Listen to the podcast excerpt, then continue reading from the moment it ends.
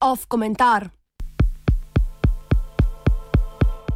Atomi za podnebje drugič. Dobra kriza ne sme iti v nič in v očeh slovenske vlade je koronska kriza priložnost, ki se pojavi mogoče enkrat na desetletje. Če je bila kriza evroobmočja priložnost za tako imenovane strukturne reforme, ki so neizogibno sledile neoliberalnemu ekonomskemu kopitu, pa tokrat nove možnosti odpira predvsem več kot 10 milijard evropskega denarja, ki so Sloveniji pripadle v paketu evropskega reševanja gospodarskih posledic epidemije COVID-19.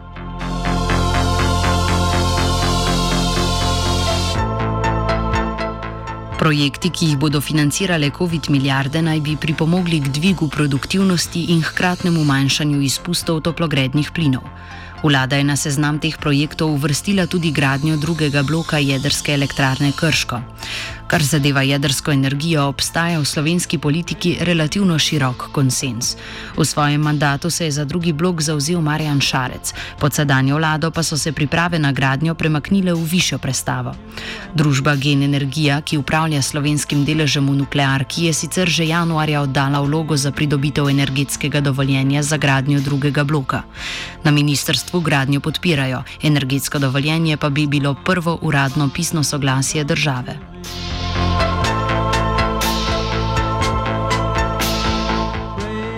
Prihodnje investicije v Krškem so bile predmet pogovorov tudi ob nedavnem obisku ameriškega zunanjega ministra Majka Pompeja.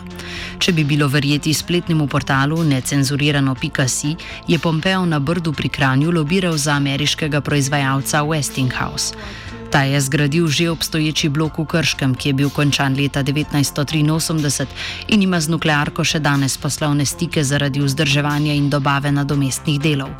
Za Westinghouse naj bi, bil, naj bi pri prejšnji Šarčevi vladi lobiral državni sekretar v kabinetu predsednika vlade Damir Črnčec.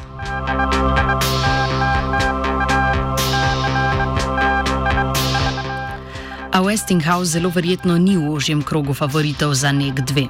Prav tako ni prav verjetno, da je Pompeo v Sloveniji lobiral za Westinghouse. Westinghouse je namreč pred tremi leti razglasil stečaj, potem ko je zaradi visokih izgub pri gradnji elektrarne Vogel v ZDA skoraj pokopal tedanjo lastnico japonsko Toshibo, sedaj pa je ostanke prevzel finančni sklad privatnega kapitala, ki vidi prihodnost podjetja predvsem v vzdrževanju že obstoječih reaktorjev. Tudi sicer Westinghouse v jedrski stroki velja za podjetje, ki je izgubilo mesto, mesto med velikimi igralci na področju gradnje novih jedrskih reaktorjev.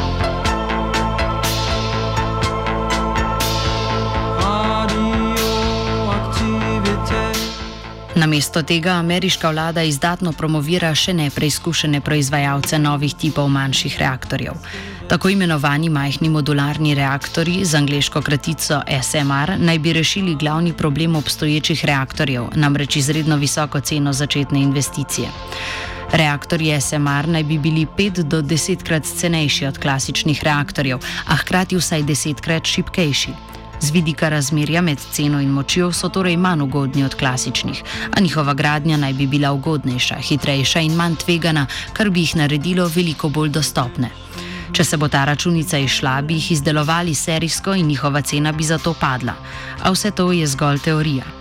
Za zdaj namreč ne deluje še noben to vrsten reaktor. Še najbližje je ameriško podjetje NewScale, ki je lani, na primer, od ameriške vlade dobilo več kot 200 milijonov evrov podpore.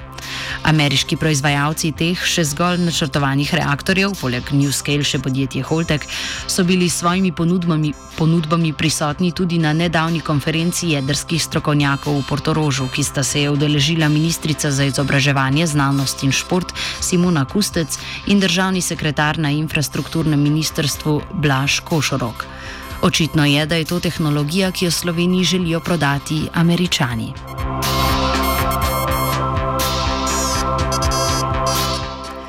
A odločitev za te še nikoli zgrajene reaktorje je zelo tvegana. Ponudniki bi to tveganje kompenzirali z nekoliko ugodnejšo ponudbo, a če bi pri gradnji prišlo do težav, bi bili doda dodatni stroški izredno visoki.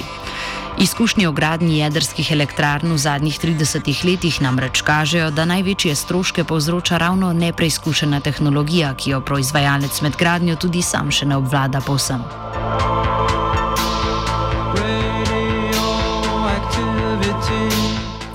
Najuspeš, najuspešnejše države na področju jedrske energije so bile tiste, ki so ohranile industrijsko bazo vezano na jedrsko tehnologijo, s tem, da niso prekinile gradnje novih elektrarn. To so Rusija, Kitajska in Južna Koreja. V Evropi in ZDA se je gradnja novih jedrskih objektov prekinila za približno 30 let. Zaradi ustrajanja pri tem, da gradnjo novih elektrarn prepustijo zasebnim podjetjem, ki ne želijo prevzeti tako dolgoročnih investicij, je gradnja velikih reaktorjev v ZDA najverjetneje mrtva. Prav zaradi tega Washington tako agresivno promovira nove proizvajalce majhnih modularnih reaktorjev. Če ta podjetja ne uspejo, se bo v ZDA z jedrsko tehnologijo ukvarjala zgolj še vojaška industrija.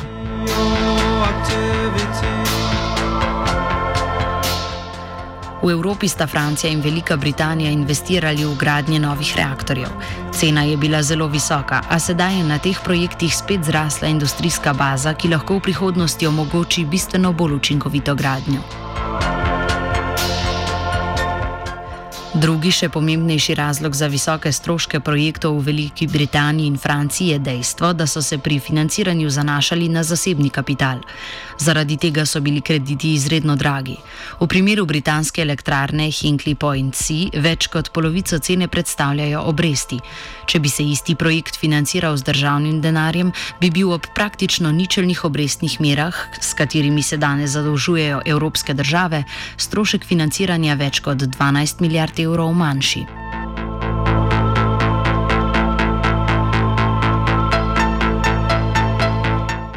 Lekcije preteklosti, ki bi jih morali upoštevati vladi pri načrtovanju novega bloka krške nuklearke, so jasne. Zgledovati bi se morali po modelu, po katerem je bil zgrajen že prvi blok v krškem. To pomeni odločitev ne za nepreizkušeno tehnologijo, ampak za že obstoječe reaktorje, ki že delujejo v drugih državah. Poleg tega financiranje NEG-2 ne sme biti prepuščeno trgu, ampak bi moral denar priti od države.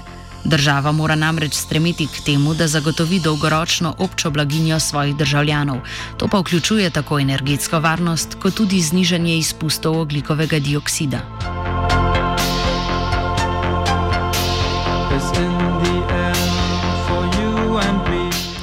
Drugi blok jedrske elektrarne Krško bo imel, če bo zgrajen, življenjsko dobo najmanj 60 let, najverjetneje pa še vsaj 20 let več. Nekajkrat več torej, kot je življenjska doba šestega bloka v Trbovljah ali sončnih in veternih elektrarn, ki lahko obratujejo približno 20 leti. Poleg tega bi nek dve zagotovil približno dve tretjini slovenske električne porabe, medtem ko lahko preostalo zagotavljajo že obstoječe hidroelektrarne. To je energetski sistem, ki je neprimerno bolj ugoden kot ta, ki bi temeljil primarno na sončni in veterni energiji in bi poleg zelo veliko prostora, ki ga zauzemajo te elektrarne in ja, v Sloveniji ga primankuje, zahteval tudi izjemno obsežno in drago shranjevanje električne energije. Na neprimernost te poti v brezoglično ekonomijo priča primer nemškega energijvende, energijskega prehoda.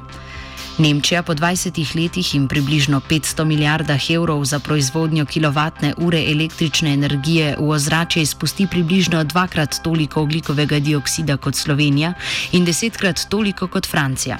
Ob tem je cena elektrike v Nemčiji približno dvakrat višja kot pri nas.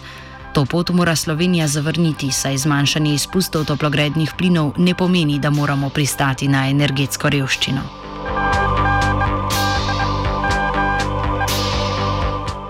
Komentiral je Gal.